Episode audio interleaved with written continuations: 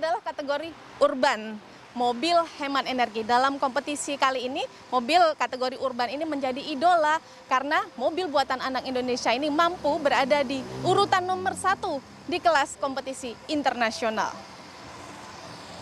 Urban Concept, mobil mungil hemat energi dengan empat roda ini menjadi primadona di kelasnya.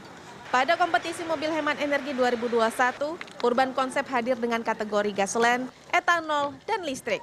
Urban Concept hemat energi satu ini tidak hanya leading di kelas nasional, tapi juga internasional. Indonesia termasuk apa ya paling aktif. Itu buktinya Indonesia bisa menjuarai juara dunia kan di Inggris, di mana dari ITS, dari UPI itu jadi sebenarnya sudah menjelaskan gimana level dari universitas di Indonesia bersaing universitas di dunia itu bisa juara satu tuh.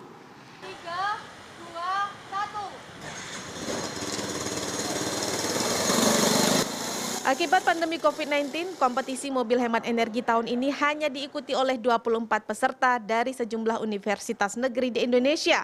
Lebih sedikit dari tahun 2019 yang mencapai 80 peserta. Kompetisi mobil hemat energi menjadi satu-satunya ajang kompetisi mobil hemat energi di Indonesia yang mengantarkan pemenangnya mengikuti kompetisi internasional.